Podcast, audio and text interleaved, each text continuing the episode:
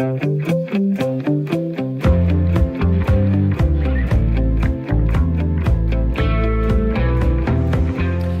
du interesserer dig for det nære demokrati og de beslutninger, som øh, påvirker vores øh, ja, både hverdag og weekender, så er du landet det rette sted. Velkommen til Byråderne på Radio 4, et program, hvor vi taler om kommunalpolitik. Denne gang har vi bymidter på dagsordenen og skal diskutere, hvordan vi bevarer bymidterne rundt om i landet og holder fast i liv og leben der. Og så kan du være med til at kigge lidt frem mod kommunalvalget, der skal afholdes til november. Vi sætter fokus på andelen af kvindelige kandidater og hvordan tre siddende borgmester de forbereder slutspurten op mod valget. Jeg hedder Tue Sørensen og har fornøjelsen af at styre løjerne. Endnu en gang velkommen til byråderne. Et velkommen, det skal der også lyde til de tre byråder, som øh, udgør panelet i dette program. Det er jer, Allan S. Andersen, borgmester i Tornby Kommune og valg for Socialdemokratiet. Pæn goddag, Allan. Tak for det.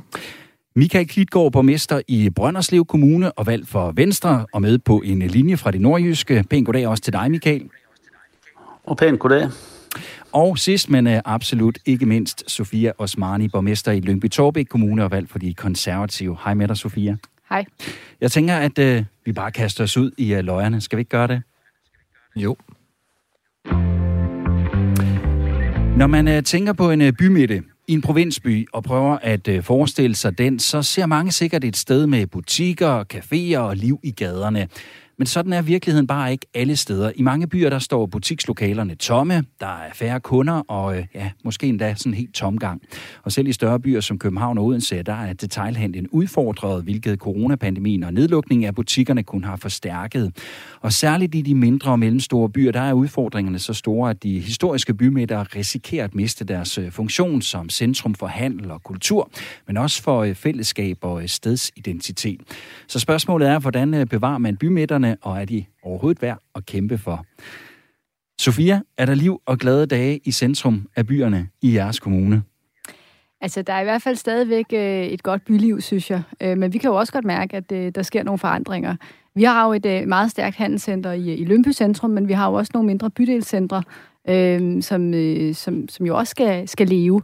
Så, øh, så det er rigtigt, vi kan jo også godt mærke selv hos os, og selvom det stadigvæk går godt, at der engang imellem er nogle tomme lokaler, og vi kan også godt mærke, at nethandel og, og en anden måde at agere på øh, har en betydning for, hvordan folk bruger byrummet. Jeg synes ikke, vi er et sted, hvor det er kritisk endnu, men vi er der, hvor vi begynder at kigge på, hvordan laver vi en plan for, hvordan fremtiden skal se ud i vores bymitte, fordi ellers så kunne vi jo ende der, hvor vi ville se, at, øh, at bymidterne de dør ud. Og det kommer vi til at snakke meget mere om, det der med planerne og fremtiden. Michael, hvordan ser det ud i Brønderslev Kommune? Er der øh, godt gang i den der i øh, samtlige byer? Nej, man kan sige, at i vores helt små landsbyer, der er købmanden jo mange steder lukket, og der er det faktisk lykkedes et par steder at få borgeren til enten at finansiere den købmand, der var, eller selv overtage butikken. Så har vi nogle lidt større byer, og der drøjer vi også med, at der er for, for lidt handel, og det vil sige, at vi prøver faktisk at hjælpe lidt i bymidteren. Vi har lavet et projekt i sådan en by med 4.000 indbyggere og Drønlund.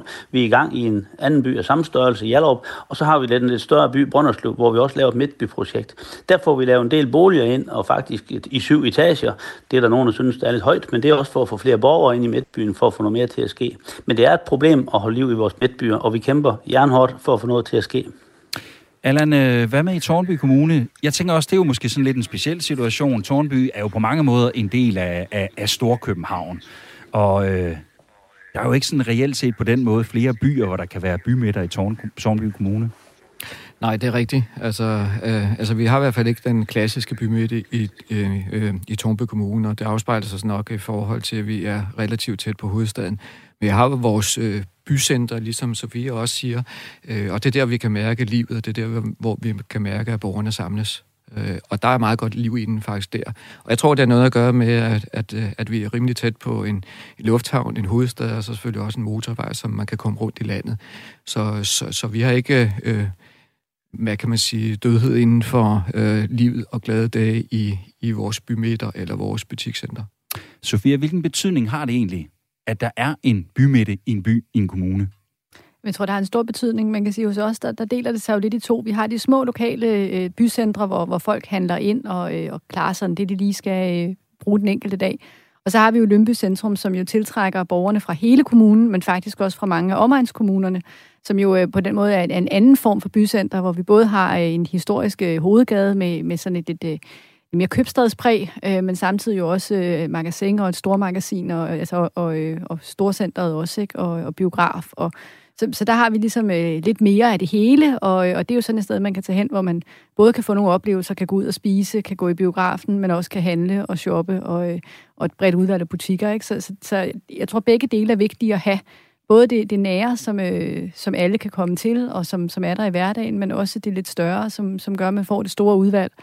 Øh, man kan ikke have det store udvalg i alle bydelene, fordi det er øh, kundegrundlaget simpelthen ikke til. Mm. Men, øh, men det her med at kunne have øh, det, man har brug for i hverdagen i bydelene, og så samtidig have det, som man, når man skal noget mere, at der så også er et sted, hvor man kan gå hen og, og få den, den større oplevelse. Michael, er det Altså er en bymidte, er det mere end bare en bymidte? Er der noget øh, lokal identitet og noget stolthed i det også?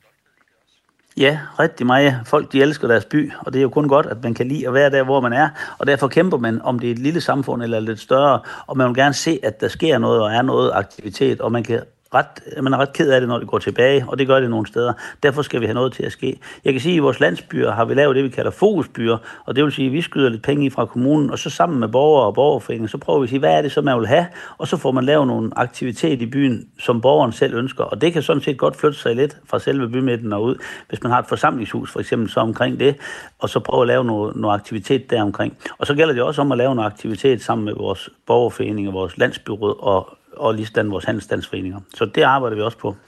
Hvordan ser og oplever du bymidten der, hvor øh, du bor, og hvad betyder det, at der er butikker og café og liv i bymidten? Øh, byd endelig hen på øh, sms'en 1424, start beskeden med R4 og lav et mellemrum, hvorefter du så skriver beskeden 1424. Husk at skrive R4 og lav det der mellemrum, og så skriver du ellers din besked.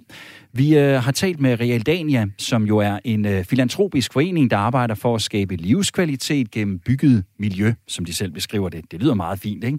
I Realdanias afdeling for byudvikling, fællesskaber og øh, planlægning, der er Bjørn Emil Hertel Jensen projektchef, og han forklarede, at mange byers kamp med skræntende bymidter, det skyldes udfordringer for detailhandlen, altså butikkerne. Den er udfordret af internethandlen, den er udfordret i forhold til de her aflastningscentre, som der er proppet rigtig mange op af rundt omkring i det danske land, og et aflastningscenter, det er jo det her center, der ligger lidt uden for bymidten, hvor at der tidligere øh, var det meget byggemarkeder, men der kommer jo knopskydninger på, så lige pludselig bliver det også Elgiganten og Power, og det bliver legetøjsbutikken og sådan noget, som måske tidligere har ligget inde i noget bynært, de rykker derud. Michael, er det en øh, udfordring, du kan genkende det her? Ja, det er det. Vi har for eksempel Brønderslev by, som er det største by. Der rykker man de der lidt større forretninger lige ude i, i øh, kanten af byen. Og der har vi også diskuteret, om vi skulle prøve at sige nej til det. Men, men gør vi det, så får vi jo måske slet ikke handlen. Så ligger den i, i Jørgen Frederikshavn Aalborg, som ligger rundt om os. Og det er jo sådan en svær problemstilling, hvornår man siger nej og hvornår man siger ja. Vi har ellers prøvet at lave sådan nogle fine midtbyplaner, hvor vi prøver at holde detailhandlen inde. Men øh, de andre øh, forretninger vil gerne ud og ligge i kanten af byen. Og det er jo sådan en evig diskussion, hvor meget man åbner op for, og hvor lidt. Michael, i Tornby Kommune, der ligger jo en del af det her, der sådan, kan man sige, øh, ligger lidt i udkanten. Der ligger også masser af bilforretninger og alt sådan noget, ved jeg. Øhm, der er det vel nærmest den modsatte udfordring, eller hvad? Altså, vi prøver også at koncentrere os omkring de centerområder, som er der, men, øh, men vi får også rigtig mange henvendelser, fordi at det er rigtigt, at nogle af fødevarekæderne, de vil gerne ligge sig i yderpunkterne, og det er jo fordi, at øh, Tornby Kommune er kendetegnet ved, at jeg tror kun, vi har 33 procent dækning af fødevareforretninger øh, Øh, så vidt de kommer ud i yderområderne, så, øh, så kommer de også til at omfatte rigtig mange flere borgere. Og det er borgeren rigtig glade for, selvom vi egentlig prøver at få dem ned til vores centerstruktur. Øh, så, så samme opfattelse som Michael i forhold til det punkt. Så jeg ved ikke, om det er muligt at gøre lokalt, men er det sådan en overvejelse, man skal til at stoppe med at give tilladelse til, at der kan blive bygget og etableret detailhandlen i udkanten af byer og kommuner? Det kan vi jo godt styre øh, til del, så vi får jo også mange henvendelser, øh, særligt fra dagligvarevirksomheder, som godt kunne tænke sig at ligge ved de store indfaldsveje, øh, fordi det er attraktivt, at folk kommer lige forbi. Det har vi sagt nej til i flere omgange, lige netop fordi vi har den holdning, at øh, dagligvarerne skal være de steder, hvor vi har øh, små bydelscentre eller i centrum af Lønby, øh, fordi de er med til at understøtte, at vi også kan have øh, detailhandel. Øh, og det, derfor så synes vi, det er meget vigtigt, at, øh, at vi ikke lader de store supermarkeder knopskyde øh, rundt om i det, i det åbne land, øh, hvis man kan kalde det det i vores kommune, men, men øh, i yderkanten af, af byerne. for fordi så får vi simpelthen trukket de handlende væk fra, øh, fra bycentrum, og så er vi virkelig med til selv at, at undergrave byernes eksistensgrundlag. Michael, du nævner, at de har de her midtbyplaner, men du siger også, at det er lidt svært det der med, fordi at, øh, der er mange, der ringer og siger, at de vil gerne etablere sig nogle andre steder, end I måske synes er det mest hensigtsmæssige. Hvad, hvad gør I i de situationer? Jo, men vi har gjort lidt det samme, som Sofia også siger, siger med detailhandel. Den siger vi jernhårdt, den skal være nede i midtbyen, og det vil okay. sige, at vi siger nej til de her supermarkeder, der ringer til os. Men så har vi jo nogle andre typer af butikker, har Nyborg, Hjem og Fix og Jysk og så videre, som har lidt større øh, typer af forretninger. Det er dem, vi så har, har sagt ja til at lægge ud i kanten af specielt Brønderslev by. Og det kan man jo godt diskutere, og det bliver det også voldsomt, øh, hvornår man siger ja og nej, fordi vi er også bekymrede for, hvis vi slet ikke får dem til byen. Og det siger, det siger de jo sådan set, de kommer ikke ned og ligge i midtbyen. Og det vil sige, så får vi handlen til at ligge i Jørgen, Frederikshavn Aalborg i stedet for. Og det er vi heller ikke interesseret i. Så det, det er sådan lidt, øh, der er plusser og minuser med det her. Men lige præcis detaljhandel vil vi gerne have ned i midtbyen for at få liv ned, så man også kommer i de andre butikker. Og så skal jeg sige, sammen med vores erhvervscenter, så prøver vi også på at uddanne vores øh, små forretningsdrivende i at sørge for at have nethandlen som supplement, for at de får en god forretning for at holde liv i de her byer. Det er jo også lidt mere at udkonkurrere nogle andre. Det lyder lidt barsk, men det er jo, det er jo sådan forretningsverdenen er. Allan, hvor meget fylder det her med, at man måske også er bange for, at man så mister en, en, en potentiel øh, detailhandel eller erhvervsvirksomhed, fordi de så måske bare lægger sig lige på den anden side af kommunegrænsen, hvor de godt kan få lov? Altså, det fylder selvfølgelig en del, men altså, vi kærer omkring vores øh, øh, bycenter, fordi det, vi kan se, det er der, hvor borgen kommer også. Altså, vi kunne se det specielt under pandemien her, og så også under lufthavns øh, ja, øh, nedgang, hvor mange blev arbejdsløse. Der er man ligesom samlet omkring de der øh, lokalcenter, vi har.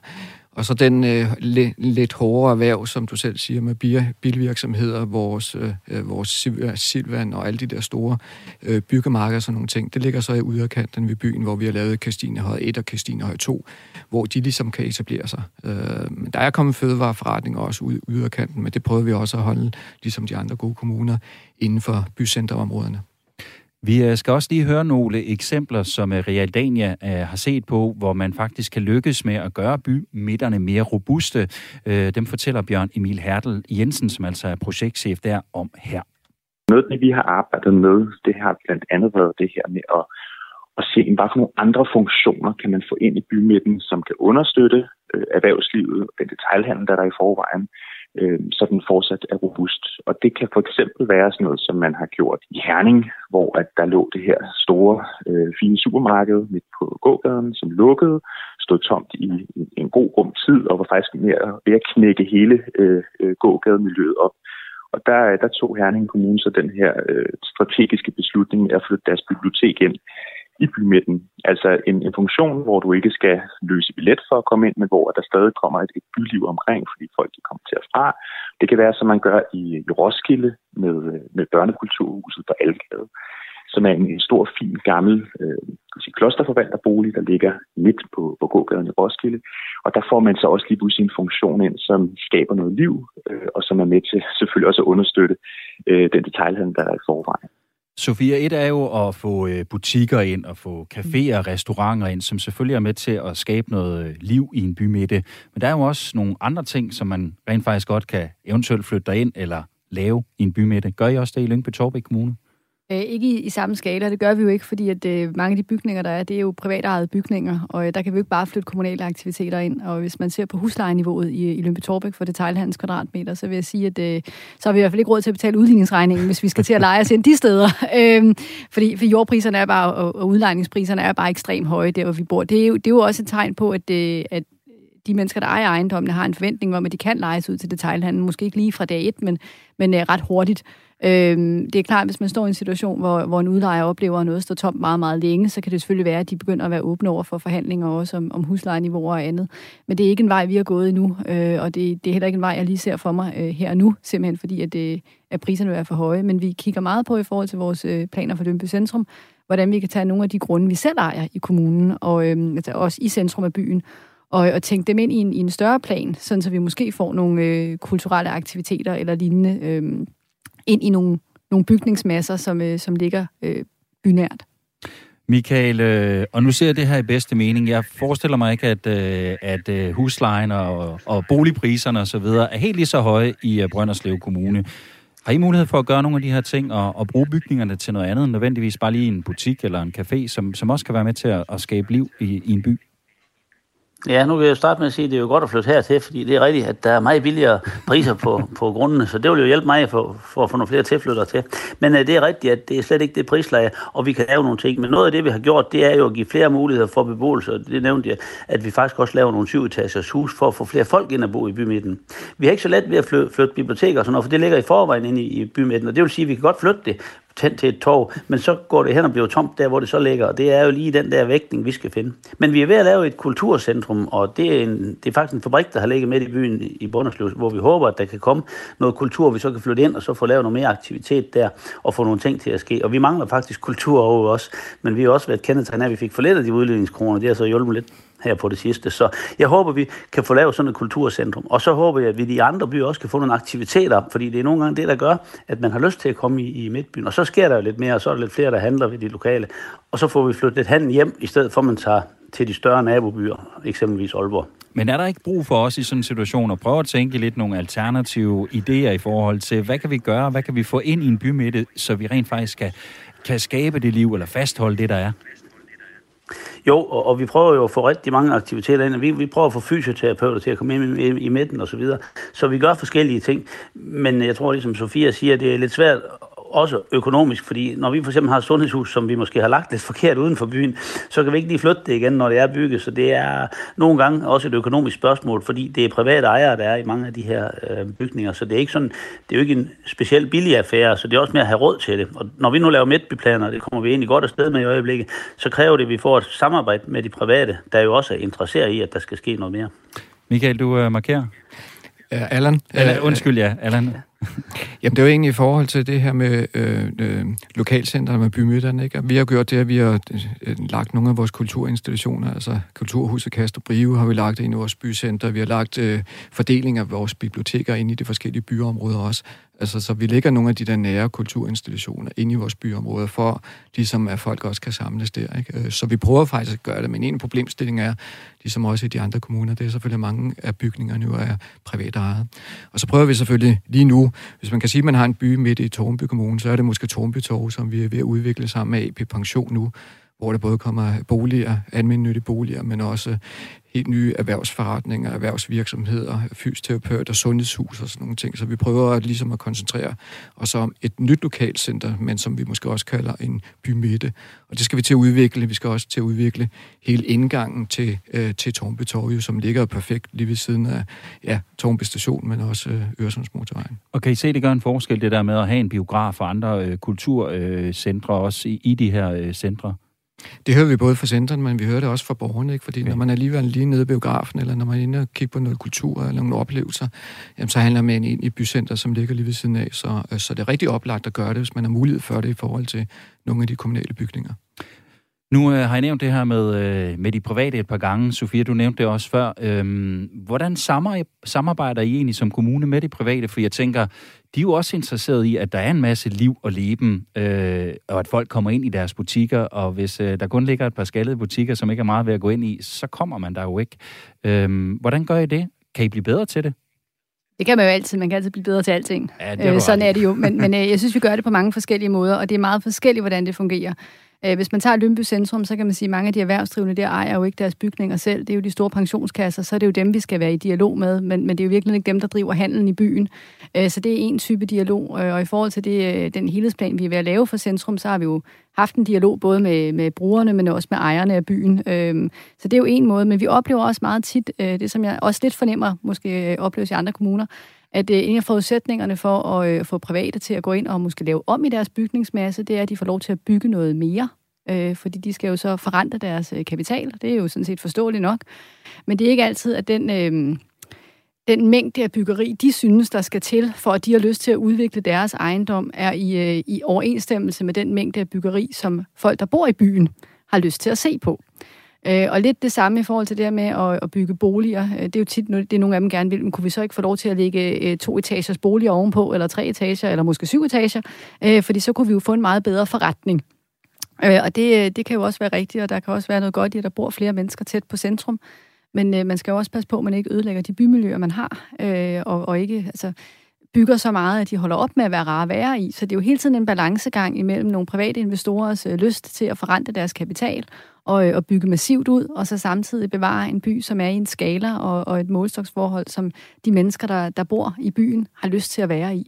Og det, det synes jeg nogle gange er en, en, en vanskelig balancegang, og, og jeg vil sige, vi har der områder stående hos os, som, øh, som måske i virkeligheden står tomme, ikke fordi det ikke kan svare sig og, øh, og, og gøre noget nyt der, men fordi de ejere, der er, har lyst til at gøre mere, end vi har lyst til at give dem lov til. Og så kan man jo vælge at sige, så venter vi bare med at gøre noget. Det kan privat ejer jo bare vælge. Øh, og så, øh, så må vi jo se, hvem der bliver møre først. Michael, er det også noget, øh, du oplever, at det kan være lidt svært måske at få, øh, få afstemt forventningerne til, hvad, hvad I må øh, kommuner og private imellem? Ja, jeg har lige fremdækket med hovedet her, det kan ikke ses i, te- i telefonen og på radioen, men, men øh, jeg er helt enig med det, Sofia, hun siger, fordi det er lige præcis her, hele humlen den er. Vi kan planlægge, og vi kan tegne, men vi skal også have ejeren med. Og det der med at få det til at gå hånd i hånd, det er en vældig kunst, og øh, rigtig svært faktisk. Og det er jo ikke ret godt, når vi har et midtbyråd, som vi har nedsat, der sidder og siger, at det skal se sådan her ud, og så ejeren han siger, jamen det kan ikke lade sig gøre det der. Der er vi nødt til at prøve at få, få lavet den der connection. Og det synes jeg er rigtig vigtigt i planlægning, at man har et godt samarbejde med dem, som også er med i det her som ejer. Og, og det er fuldstændig rigtigt, det er en kunst. Hvorhen stopper man? Man skal selvfølgelig også stille nogle krav, og det skal være godt at være i bagefter. Men øh, der er også noget økonomi i det her, og der er også noget økonomi set fra kommunens synsvinkel, som skal løses. Så planlægning bør egentlig være på det niveau, at man samarbejder med byens borgere, dermed også ejere, og det er, det er svært. Jeg synes, vi er blevet dygtigere til det de sidste år her, fordi vi har kæmpet jernhårdt med det. Men svært er det. Og nu vi er ved det med øh, planlægning, så øh, har vi selvfølgelig også talt med Realdania Real Dania omkring det. Vi har spurgt Bjørn Emil Hertel Jensen, som altså er projektchef i afdeling for byudvikling, fællesskaber og planlægning, hvordan byer og dermed også ja, i kommunerne, som måske kæmper lidt med at, at få, få helt styr på de her bymidter, hvordan man ligesom bedst kan forsøge at vende den udvikling og skabe nogle, nogle vedvarende, robuste bymidter. Prøv at høre med her. Det første, man lige skal, det er at afdække hvad er potentialerne for den her bymidte.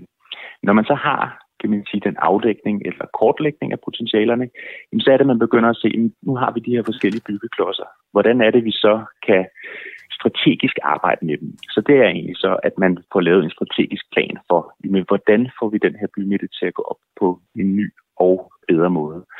Er der nogle øh, kan vi sige, matrikler, der skal skifte ejer? Øh, skal vi som kommune eventuelt tænke strategisk, når vi skal lave en ny daginstitution, eller skole, eller bibliotek? Kan vi på en eller anden måde øh, få, få understøttet, at der kommer en fornuftig business case, så er der nogen, der kan lave bolig, eller nogen, der kan udvikle en ny restaurant, eller detailhandel?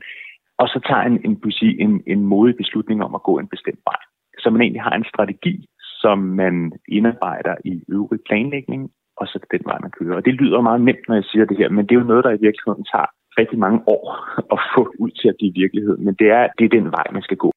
Nu har jeg jo hørt jer alle tre sige, at I jo gør nogle forskellige ting, og I arbejder med nogle planer osv. Allan, er det sådan en fuldstændig strategisk helhedsplan, I arbejder med? Altså man kan jo sige, når vi lægger vores planstrategi og kommuneplan, så går vi jo ind og taler om de områder, som vi ligesom skal lægge ud til de der øh, centerområder eller til bymidterområder. Og der er vi faktisk lige nu i gang med vores nye kommuneplan, hvor vi går ud og tilrettelægger, hvor vi skal udbygge øh, Tornby Kommune. Så der er jo en plan omkring det, ikke? Øhm, men det er jo rigtigt, altså når man skal ind og øh, også få, få det til at fungere, så er der også nogen, der skal stå bag ved det, også med nogle penge, hvis det ikke, ikke er kommunen, som ejer grunden i hvert fald. Og derfor skal man være sammen om at gøre det, både borgeren, men også dem, som skal ligesom byde ind, og så selvfølgelig også kommunen. Det er jo godt nok, at vi har nogle planer, men vi skal selvfølgelig også have nogen med til at re- øh, realisere planerne. Sofia, nu nævnte øh, Michael før, at øh, i kommunerne, så kan det være, at han taler for egen regning. Det ved jeg ikke, det, må vi, det kan vi jo høre ham meget bagefter, hvis det er. Men er det, først, er det først de senere år, det sådan er gået op for jer, at det er vigtigt at have en strategi og lave en helhedsplan? Du nævnte også ordet helhedsplan før. Har I måske ikke været gode nok til det tidligere? Jeg synes faktisk, vi har arbejdet med det i rigtig mange år. Øh, og, øh, men, men ting er jo også, at rammevilkårene ændrer sig jo hele tiden. Så hvis du havde en, øh, en strategi for øh, 10 eller 15 år siden, så er det jo ikke sikkert, at den giver mening i dag. Øh, så vi er jo nødt til hele tiden at revidere dem, og det, det, det er jo noget, der gør det svært. Ikke? Det er vel også det, man gør med strategier. Og lige præcis, ikke? Men, men det er jo også det, der gør det vanskeligt selvfølgelig. Ikke? Så det er ikke sådan, at vi bare kan sige, nu har vi lavet strategien, og så sætter vi os ned, og så venter vi på, at den bliver realiseret. Sådan fungerer det jo ikke. Øh, men jeg synes, det giver rigtig god mening at have nogle, nogle lidt større planer og strategier. For ellers det, der sker, det er jo, at det, det begynder at knopskyde så kommer der en enkelt virksomhed eller en enkelt øh, grundejer og siger, vi kunne godt tænke os at lave det her projekt. Og isoleret set, så giver det projekt måske mening, men det har nogle konsekvenser for alt det, der ligger omkring det. Øhm, og hvis ikke vi har den der helhedsplan og tænkning om, hvad er det egentlig, vi gerne vil med vores by, hvad er det for en by, vi ser for os i fremtiden, så får vi sådan en mærkelig knopskydning, hvor vi måske ender med at ødelægge noget af det, vi holdt allermest af i vores by. Og det er jo også derfor, vi med, med Lønby Centrum siger, at vi har jo egentlig en velfungerende by. Øh, det fungerer, der er ikke, altså på den måde der er ikke nogen krise, men vi kan bare se, at der sker nogle enorme forandringer i de kommende år. Og hvis ikke vi laver en, en plan for det her, så kunne vi ende med at miste nogle af de værdier, vi har. Øh, så nu laver vi den her store plan for, hvordan kunne vi forestille os, at byen udvikler sig. Øh, I øvrigt et projekt, hvor Realdania også er gået med ind og har, øh, har medfinansieret noget af det her udviklingsarbejde, som, øh, som ligger til grund for det. Så, så det er jo lige en forsøg på at sige, hvordan kan vi sikre, at øh, den udvikling, der sker i byen, den ikke bliver tilfældig, men at den bliver strategisk, at den bygger op om et fælles mål for, hvad det er, vi vil med vores øh, by, så vi bliver ved med at have en, øh, en by, der både er historisk og smuk, men som samtidig også er bæredygtig og kan leve også på sigt. Michael, øh, du får lov at få det sidste ord i øh, den her snak om, øh, om bymiddag. Øh, nu har du også nævnt en masse ting, som I gør i Brønderslev Kommune for at, for at, at fastholde eller skabe liv øh, der, hvor der er, er, er udfordringer. Du siger også, det er svært det her. Så kunne det afsluttende spørgsmål fra min side jo være, jamen skal bymidterne bevares for enhver pris? Nej, men jeg tror, vi skal skabe liv i vores byer på forskellige vis. Lige, lige hvordan bymidten er, men jeg tror nu også lidt, det Sofia siger med, at øh, strategien kan også godt ændres lidt på sigt. Og nu når der er nogle forskellige øh, interesser i at gøre forskellige ting, så skal vi jo følge dem. Det gælder for eksempel, når vi har, øh, vi har sådan en kult- amatørscene med kultur i Brønderslev, der gerne vil lave noget, så er det med at gribe bolden, og så kommer jeg også i den retning, når, når lejlighed byder sig. Fordi de detail... Øh, analyser, for eksempel, vi har lavet, der viser, at det går i en retning, dem kan vi selvfølgelig bruge, men det kan også godt ændre sig, fordi det gør det, når man gør en indsats. Og det er der, vi prøver at lave en indsats sammen med dem, som jo er aktører inde i Midtbyen. Og så tror jeg på, at vi får sådan at man bakker op om sin by og kan lide sin by, og så kan man også lide at være der. Så det er altså medvirkende til at skabe noget identitet for borgerne i de enkelte byer.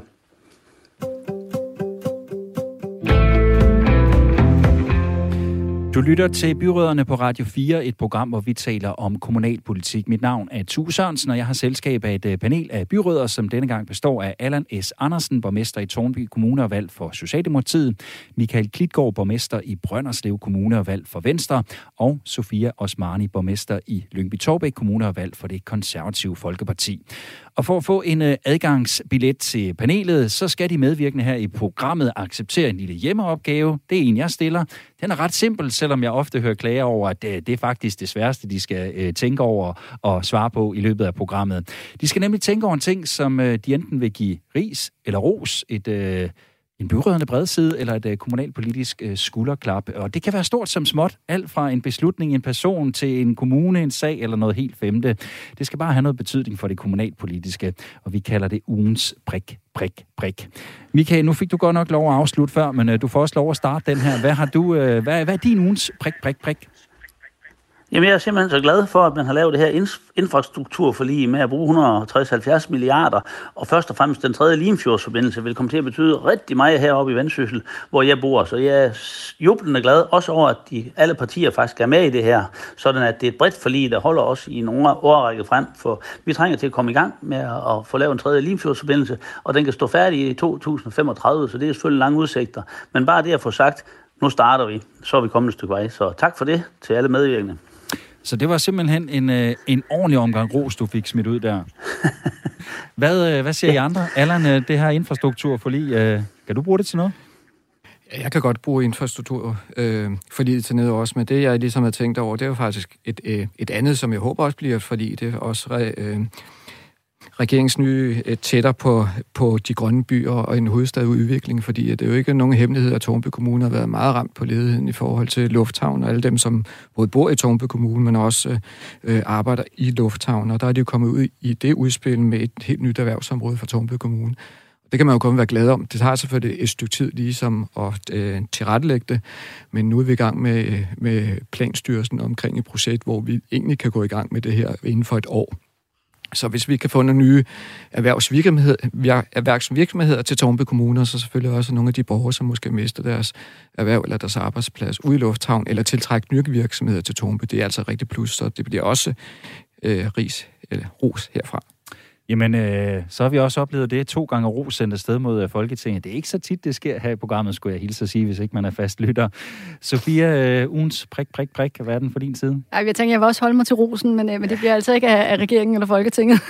det bliver derimod en, øh, en ros af vores øh, private erhvervsliv. Ja. Øh, de skal også roses en gang imellem, og, øh, og jeg synes, at øh, i hvert fald ude hos os har en øh, rigtig god erfaring med at øh, samarbejde omkring øh, vores folkeskoler øh, og lave nogle forløb ind i, øh, i folkeskolerne. Og det, jeg måske særligt vil kigge med fladet for, det er øh, det læringscenter, som øh, Novo Nordisk Fonden har finansieret live, som øh, lige er blevet færdig opført øh, ude i øh, Lømpe Torbæk. Øh, og, øh, og det er jo et øh, sted, hvor øh, skoleklasser fra hele landet sådan set kan komme og få nogle undervisningsforløb, og hvor de jo har valgt at, at gøre det øh, på sådan en måde, at de ud over det fysiske læringscenter, der ligger i Lønby, også har nogle lastbiler med fuldt udstyret øh, undervisningsfaciliteter, som kan køre ud i landet. Øh, og jeg synes, det er helt fantastisk, at vi har øh, private, som har lyst til at investere i vores øh, allesammens børn på den måde, og være med til at øge interessen for de tekniske naturvidenskabelige fag.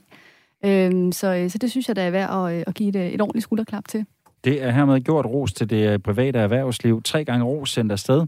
Ja, skal vi så ikke bare komme videre? Så kan vi se, om der er mere ros senere i programmet. To mænd og en øh, kvinde, det er øh, den øh, kønsmæssige sammensætning af panelet i programmet her, og på den måde så passer det jo meget godt med den øh, kønslige fordeling af kommunalpolitikere her i øh, landet. Generelt set, for lige knap hver tredje kandidat, som blev valgt ved seneste kommunalvalg, var er kvinde, og det var øh, faktisk rekord, da det skete tilbage i 2017. Til november er der kommunalvalg igen, og her viser de øh, forlige tal, at det igen vil være sådan cirka hver tredje kandidat, som er kvinde. Så selvom øh, kønsfordelingen har været endnu mere skæv tidligere, ja, så tyder meget på, at ligestillingen jo også ligger et godt stykke ud i fremtiden, hvis vi skal have sådan en lille fordeling kønsmæssigt i forhold til kommunalpolitikere og kandidaterne. Og det er et demokratisk problem, mener de i Kvinfo, som er et øh, videnscenter for køn og ligestilling.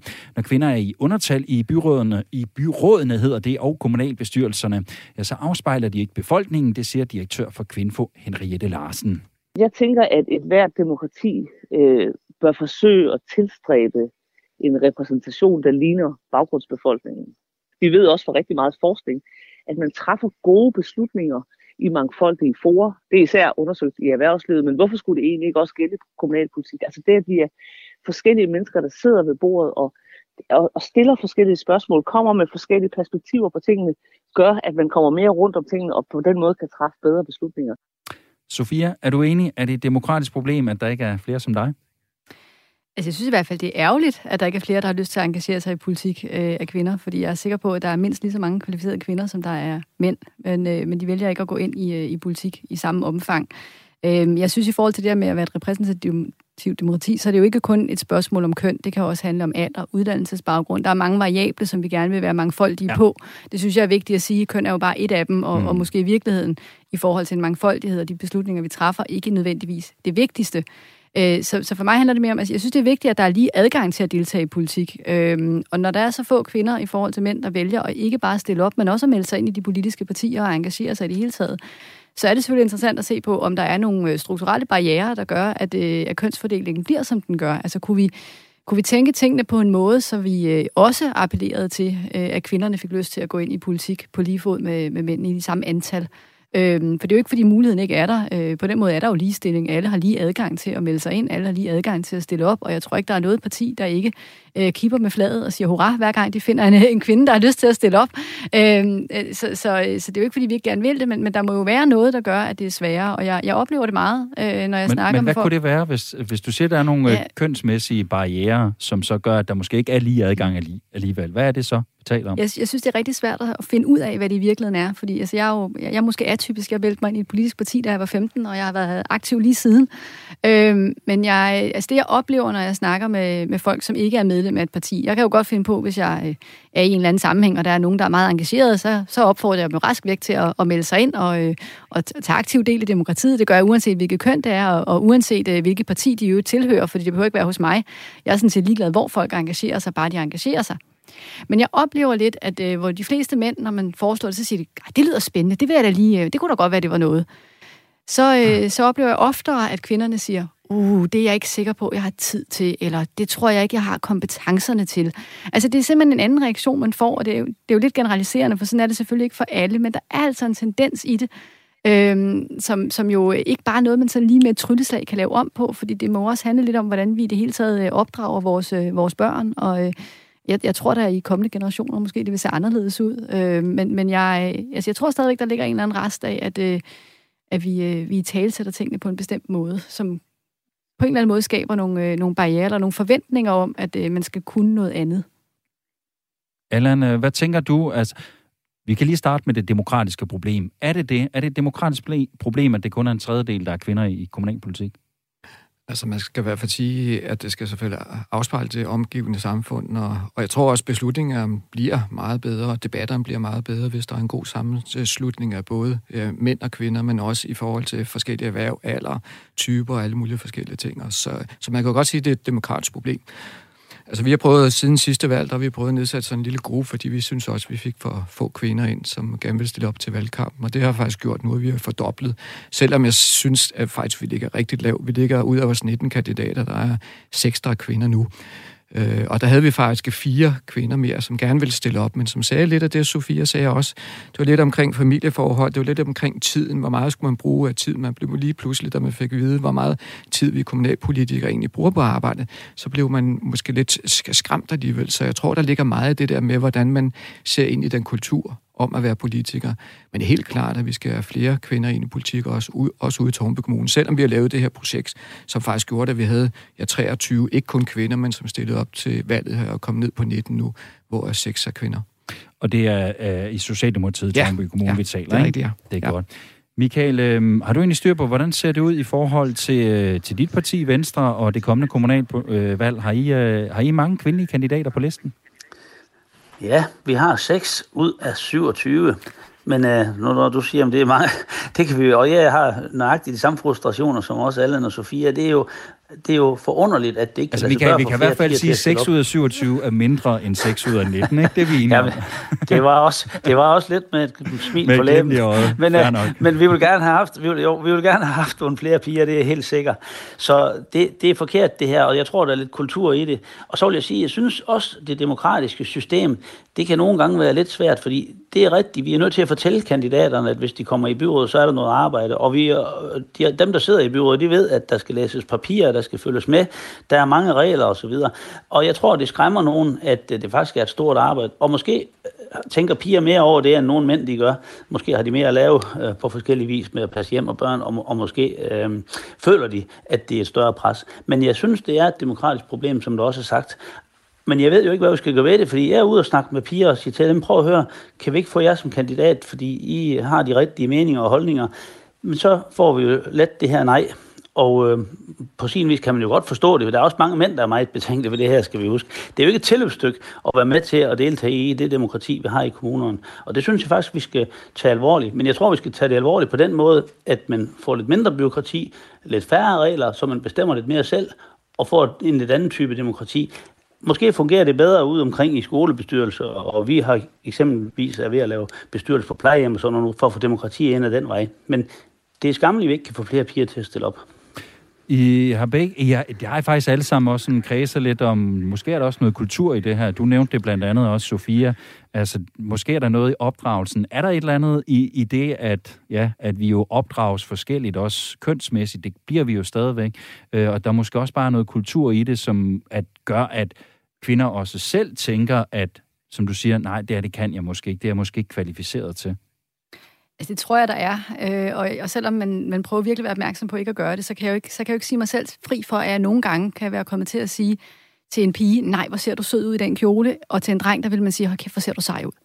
Altså, det, det, det, det er bare måden, vi taler til børn på, så er der en forskel nogle gange, ikke? Og, og jeg prøver virkelig at, øh, at sørge for at gøre det lige så meget den anden vej rundt, fordi jeg jo lige netop tænker, at piger er også seje og stærke og kloge og dygtige og, og alle de ting, som... Øh, men, men jeg tror, der historisk har været en forskel i, hvad det er for nogle tillægsord, vi i virkeligheden bruger om, øh, om mænd og kvinder, og det kan selvfølgelig være med til at, øh, at betyde noget for, øh, hvad man, hvilke forventninger man også har til sig selv. Øh, jeg oplever jo, at, at øh, de kvinder, der sidder i kommunalbestyrelsen, faktisk øh, altså, holder rigtig meget af det, og, øh, og øh, mange af dem genopstiller jo også. Så, øh, så det her skræmmebillede af, at man ikke kan forene øh, sit øh, privatliv med det at være øh, kommunalpolitiker, det, det synes jeg ikke er rigtigt. Øh, jeg har selv siddet øh, 20 år i kommunalbestyrelsen nu. Jeg øh, blev valgt ind, mens jeg stadigvæk var studerende. Jeg har fået to børn, mens jeg har siddet der, og øh, jeg, kan huske, da jeg genopstillede som borgmester første gang, der, der spurgte jeg mine børn, inden jeg genopstillede, om de synes, det var en god idé. Fordi det kunne godt være, at de synes, at øh, mor var for meget væk, og øh, at det var svært at kombinere. Og, øh, Og så synes jeg jo ikke, at jeg skulle blive ved med at gøre det, fordi den der dårlige samvittighed, den tror jeg, vi alle sammen på tværs af køn øh, øh har prøvet. Øhm, men de sagde samstemmende, øh, begge to, at øh, selvfølgelig skulle jeg stille op igen, fordi de kunne da slet ikke forestille sig, at deres mor ikke var borgmester. Øh, og det, øh, det synes jeg jo egentlig er meget fint, øh, fordi det viser jo lidt om, at, øh, at man godt kan vise, at det faktisk kan lade sig gøre. Øh, men det er måske også en af vores... Altså, hvis man ser på det kommunalpolitiske landskab, så øh, nu sidder vi her øh, to øh, mænd og en kvinde øh, med borgmesterjob, men det er jo i virkeligheden øh, skævt i forhold til, hvordan billedet reelt ser ud. Fordi det er jo ikke en tredjedel af borgmestrene, der er kvinder. Det er jo sådan set meget, meget færre. Så vi mangler måske også lidt rollemodellerne øh, og kunne vise, at, øh, at man kan faktisk godt øh, være kvinde i kommunalpolitik. Fordi det er jo sådan, at de, de menige kommunalbestyrelsesmedlemmer er jo ikke lige så synlige i debatten øh, og lige så kendte, som vi er som borgmestre. Mm. Så hvis man kigger over det kommunalpolitiske landskab og ser, hvordan ser billedet ud, så ser man altså rigtig mange mænd øh, og ikke ret mange kvinder. Og det, det tænker jeg også godt kan have en betydning. Øh, at det kan være sværere at se sig selv i den rolle, hvis ikke man kan se, at det er helt normalt. Øh, så, så jeg vil da synes, at hvis vi kunne komme op på en tredjedel kvindelige borgmestre, så vil jeg kigge med flad og sige hip Hvad gør du selv for at være rollemodel, og, og, og i virkeligheden har du et særligt ansvar, fordi du er en kvindelig borgmester, for så at være en særlig rollemodel?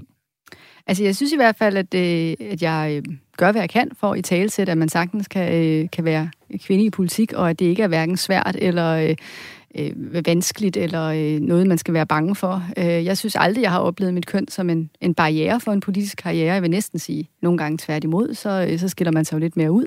Det kan jo gøre nogle ting nemmere. Øh, men jeg oplever aldrig, altså jeg har aldrig oplevet, at det har været en, en hemsko øh, på nogen måde, og det i talesætter jeg gerne. Øh, men, men selv jeg, øh, når jeg møder øh, andre kvinder, har jeg også svært ved at motivere dem til at, at stille op og, øh, og komme med. Jeg kan så høre i forhold til Brønderslev, så har jeg det lidt bedre, fordi vi har 8 ud af 24 kandidater, der, der er kvinder. Øhm, og jeg vil sige, jeg sad der faktisk lidt med en overvejelse og tænkte, skulle jeg lade være med at opstille 24 kandidater? For jeg kunne have nøjes med at opstille 16, så havde jeg jo haft 50 procent kvinder. Det ville jo have været fedt. Men det synes jeg heller ikke er helt rimeligt, fordi når jeg nu har øh, otte yderligere velkvalificerede, dygtige mænd, som gerne vil stille op, øh, så synes jeg også, det er lidt tageligt at sige til dem, det må I ikke, fordi at, øh, I ikke er kvinder. Øh, så, så det er jo, altså, der skal man jo også ligesom øh, sige, at, at, at vi gør meget for at få kvinderne med, men, men de skal også have lyst til det selv, og jeg synes ikke, at man skal sige, at det, så er der nogle andre, der ikke må, fordi vi vil have ligestilling. Mm. Øh, eller lige mange, fordi det er jo ikke nødvendigvis ligestilling. Men, så jeg hørte også sige sådan noget som uh, kvoteløsninger. Nej, det, det, det er jeg meget modstander af. Det er jeg af flere grunde, fordi at jeg også selv ville have det sådan, at hvis jeg nu vidste, at der var en kvote for, hvor mange borgmestre, der skulle være kvinder, eller hvor mange kandidater, der skulle være kvinder, så ville jeg jo aldrig nogensinde vide, om jeg var valgt på baggrund af mine kompetencer og min faglighed, eller om jeg var valgt på baggrund af mit køn. Og det synes jeg ville være meget ødelæggende for min, øh, for min mulighed for at udfylde jobbet. Øh, jeg synes faktisk, det vil være lidt nedværdigende på en måde. Så, øh, så jeg er meget fortaler for, at, øh, at vi konkurrerer på lige vilkår, og der skal ikke være kvoter og systemer. Men vi skal gøre alt, hvad vi kan for at motivere og for at, øh, at skabe nogle strukturer, der gør, at begge køn har lyst til at være med. Men kvoter, det bliver et nej tak fra mig. Ganske kort, Allan. Øh, kvoter, er det en løsning frem? Jeg synes, man heller man skal tale kommunalbestyrelsearbejdet op, også i forhold til kvinder, og se, hvad de går ind i, fordi at de kvinder, der sidder i politik nu om dagen, jamen, de vil meget gerne politikken, og, og det er i hvert fald ikke nogen forhindring, at man også har en familie ved siden af. Nu nævnte øh, Michael det her før med, at øh, det måske det demokratiske system måske også kan være en barriere, fordi der er, der er meget byråkrati, der er mange ting, der skal læses op på, der er mange regler osv., er det, er det en vej frem at kigge på det, og måske gøre det lidt simplere? Det vil måske være meget rart for, uanset om man er mand eller kvinde i virkeligheden.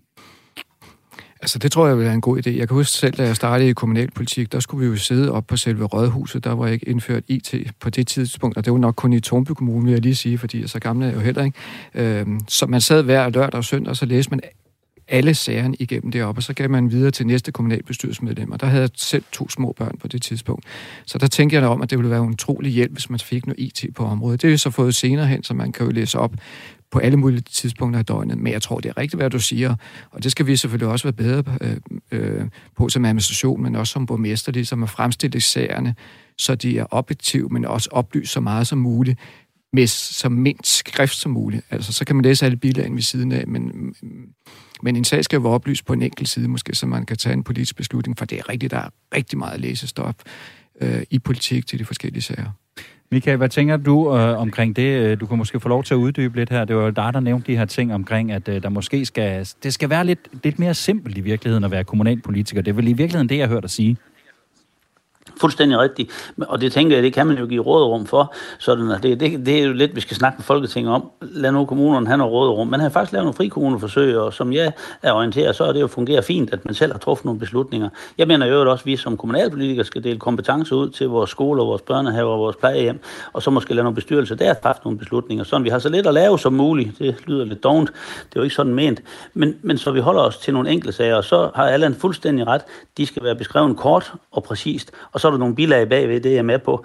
Men vi må passe meget på, at ikke det bliver for byråkratisk og for stort et arbejde. Og jeg er meget imod kvoter, for der er jeg helt enig med Sofia, at det er ikke måden på det. Det her, det skal kunne lade sig gøre på almindelig demokratisk vis. Og jeg tror også, der er, øh, vi, vi, jeg tror, vi er i retning af, at måske flere piger kan overtales til at være med.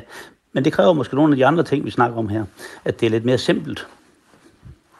Du markerer ja, ja, det, det gør jeg, fordi altså, jeg, jeg håber, jeg misforstår mine to kollegaer lidt her, øh, men det kan der måske så også være nogle lyttere, der gør. Fordi det, jeg hører blive sagt, det er sådan set, at vi kunne få flere kvinder til at engagere sig, hvis politik ikke var helt så svært. Hvis sagsfremstillingerne var lidt mere simple, og der ikke var så meget læsestof. Og jeg vil bare sige, det er måske lige præcis den tankegang, der gør, at jeg, der ikke er kvinder nok, der har lyst til at engagere sig. For hvis det er sådan nogle fordele, man, man mødes med som kvinde, så, øh, så vil jeg nok også sige, at jeg tror, jeg finder noget andet at lave. øhm, så, så jeg vil sige, øh, det er ikke derfor, man skal gøre tingene mere simple, eller prøve at gøre sagsfremstillingerne kortere. Det vil gavne alle, uanset køn. Men det er ikke en, en, øh, en rekrutteringsstrategi til kvinder, øh, og jeg vil kraftigt fraråde, at man i tale sætter det sådan, fordi jeg vil i hvert fald sige, det, øh, ja, der, jeg bliver lidt stram i betrækket, når jeg sidder her. Fair nok, jamen det må man også gerne blive. Så fik vi den som mændene i, øh, i programmet her. Ja, selvfølgelig, Michael.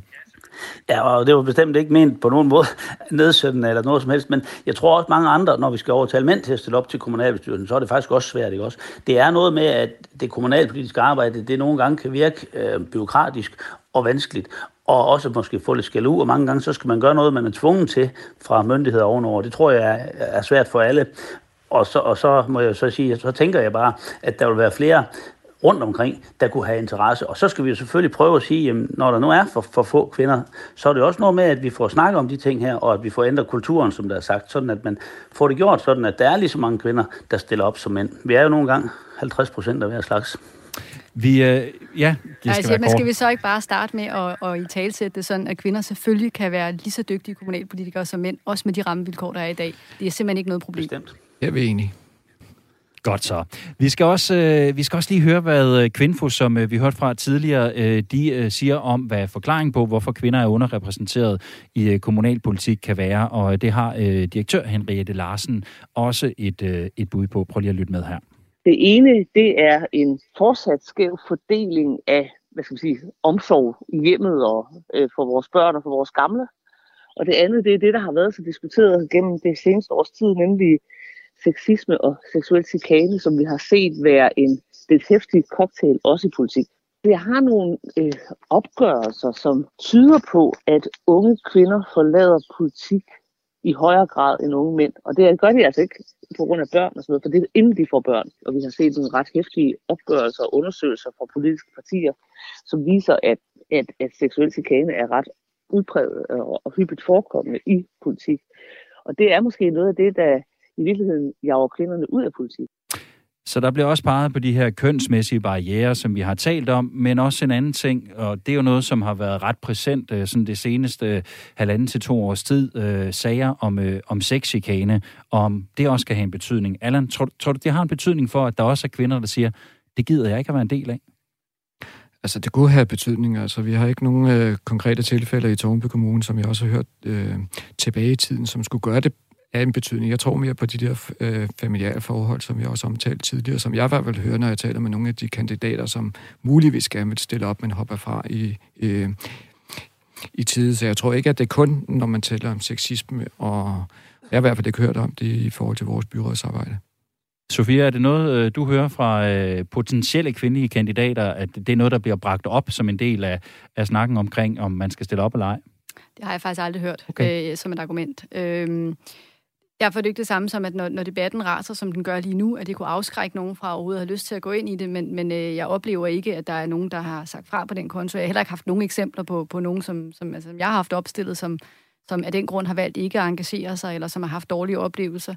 Øhm, så så øh, jeg tror ikke, det er det, der er det afgørende, men det er selvfølgelig klart, hvis man bliver ved med at, have den her debat, og det, som, som er god og rigtig, og som skal være der, men, men det er klart, hvis, det, hvis man sidder derude med det indtryk, at alle partierne er, er nogle øh, ubehagelige steder at være for, øh, for kvinder, særligt de yngre af dem, så, så kan det jo godt skræmme nogen væk. Det synes jeg ikke, det er. Og jeg har selv været, øh, også nu er jeg ikke så ung længere, men jeg har været ung kvinde i politik, øh, og har ikke oplevet, øh, synes jeg, øh, krænkelser eller øh, dårlig adfærd. Øh, at der måske nogle gange kan være nogen, der, der altså nu havde vi diskussionen før om, hvordan man i tale sætter, hvad, hvad mænd og kvinder kan. Det har jeg måske også en gang imellem oplevet. Men så har jeg jo bare svaret igen, og, øh, og så har jeg øh, fået sat dem på plads, og så, øh, så tænker jeg, så har jeg vist, at sådan er det ikke. Øh, så det er ikke noget, jeg har oplevet som et problem. Det er godt at høre, trods alt. Nu fik jeg jo lovet i starten, at øh, vi også skulle øh, snakke lidt om det kommende kommunalvalg i forhold til lige, hvor, hvordan øh, slutspurten her, når, øh, når vi i hvert fald kommer tilbage fra sommerferie, så er der ikke mange måneder til, der er kommunalvalg. Vi har ikke så forfærdelig meget tid til det, men øh, jeg tænker, at vi lige gør det nu er jeg her, og nu er jeg i gang med at snakke lidt, øh, lidt valg. I tre, I øh, genopstiller jo alle ved det kommende kommunalvalg, og ja, man kan sige, at I er på valg hele året rundt. Det er I sådan set i hele den fireårige valgperiode, hvor I er, I er valg for. Men øh, Michael, hvordan, øh, hvordan kommer vi som borgere til at mærke, øh, når vi vender tilbage efter en sommerferie, at valget det nærmer sig? Nu kan jeg være lidt bekymret, fordi øh, Socialdemokratiet har en kvindelig kandidat, og det håber jeg ikke kommer mig til skade. Men uh, det må vi jo se på. Men ellers så er det jo klart, at øh, allerede nu kan vi mærke, og måske lidt før end det plejer, så er der jo nogen, der er begyndt sådan at markere nogle synspunkter, og det er jo også det, man skal til et kommunalvalg. Så jeg tror jo, når vi kommer til august og frem, så vil der være i de forskellige kommuner, så vil der være nogle sager, hvor man bliver lidt mere hæftig i debatten, og derfor så bliver der snakket mere politik. Og det er jo også fordi, vi vil gerne ud og markere nogle synspunkter nu her, og det er der jo altid snak om, at det er det sidste indtryk, der, der betyder mest. Jeg skal sige, jeg, jeg føler, at vi fører valgkamp fra den dag, vi er valgt, og så frem. Og det er du også nødt til, når du er borgmester, så skal du stå på mål for de beslutninger, der er truffet. Du skal selvfølgelig fremlægge et program for de næste fire år også, og det har vi faktisk gjort for længe siden. Så jeg føler, at vi er klar. Men øh, vi får debatten efter sommerferien.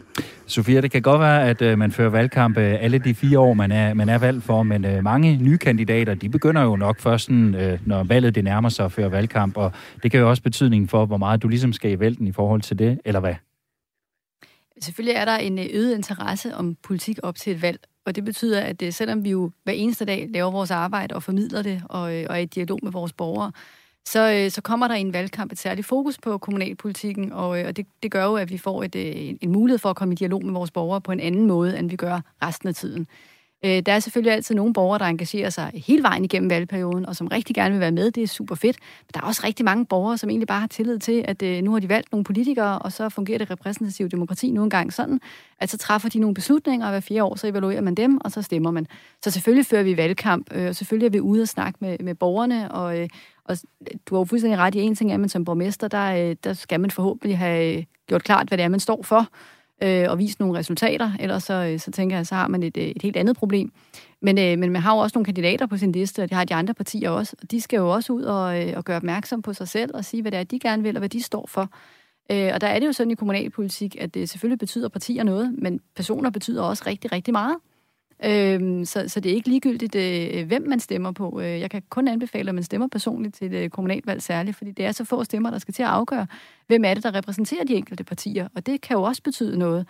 Så, øh, så det kan jo handle om at finde nogen, som man, øh, som man synes, man kan spejle sig lidt i, som har nogle fælles interesser med en selv. Måske bor de i samme lokalområde, måske øh, har de børn på samme alder, eller forældre på plejehjem, eller hvad det nu kan være. Men, men, øh, men det er jo den måde, vi får det her mangfoldige øh, kommunalbestyrelse på. Allan, kan man som siddende borgmester lige gribe den her slutspurt lidt anderledes an, end alle andre kandidater kan? Altså, man kan i hvert fald sige, at vi er startet her i foråret med at planlægge vores valgprogram, og det har vi gjort ved en stor borgerinddragelsesproces. Øh, så først har vi inddraget borgeren, så har vi inddraget vores forskellige partigrupper ude i Tornby Kommune.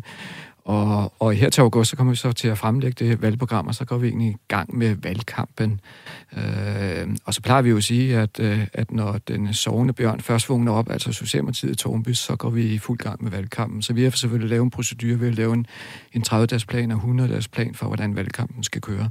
Så, og så plejer vi jo at indfri vores, øh, vores valgprogram. Det, det agter jeg også at gøre den her gang. Vi øh, kunne snakke meget mere omkring det her, men øh, tiden den er fløjet afsted, så øh, vi når ikke så meget mere andet, end at øh, der selvfølgelig lige skal lyde et, øh, et held og lykke til valget til øh, jer alle tre, når øh, I kommer i gang, og øh, god valgkamp også, selvom I selvfølgelig har været i gang, det ved jeg også godt, I vil sige, men øh, held og lykke til jer i hvert fald. Det var øh, alt for denne omgang af byråderne på øh, Radio 4. Jeg vil gerne sige tak til jer også i øh, panelet. Udover et held og lykke, så skal I selvfølgelig også have et øh, tak for at være med her. Allan S. Andersen, borgmester i Tornby Kommune, valgt for Socialdemokratiet. Tak for det, Allan. Selv tak. Og også tak til dig, Michael Klitgaard, borgmester i Brønderslev Kommune og valgt for Venstre. Selv tak. Og tak til dig, Sofia Osmani, borgmester i Lyngby Torbæk Kommune og valgt for de konservative, eller skal vi sige det konservative Folkeparti. Det vælger du selv, tror jeg her. Jeg er ikke så, øh, det er ikke så afgørende for mig, men øh, det har været en fornøjelse at være med. Tak. Tak, og i lige måde. Der skal også øh, lyde en øh, stor tak til Henriette Larsen fra Kvinfo og Bjørn Emil Hertel Jensen fra Realdania, som øh, begge var med i øh, klipform undervejs i programmet. Du kan øh, genhøre programmet eller og vores andre udsendelser, både på Radio 4's hjemmeside, men selvfølgelig også som øh, podcast, og det kan du finde i de fleste gængse podcast-apps og afspillere. Byråderne er produceret af Rakkerpark Productions for Radio 4. Thor Arnbjørn og Gry Brun Mathisen er redaktører. Programmet var tilrettelagt af Julie Lindhardt Højmark og undertegnet. Jeg hedder Tue Sørensen. Tak for at lytte med.